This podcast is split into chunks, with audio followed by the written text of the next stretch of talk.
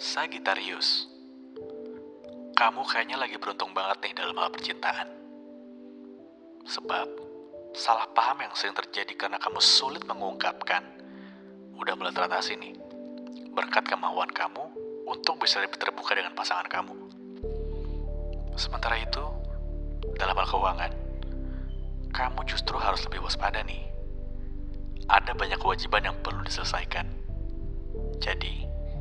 Kamu harus bisa menahan diri untuk nggak beli hal-hal yang ya nggak terlalu penting dan coba untuk mulai mengumpulkan uang untuk dana darurat.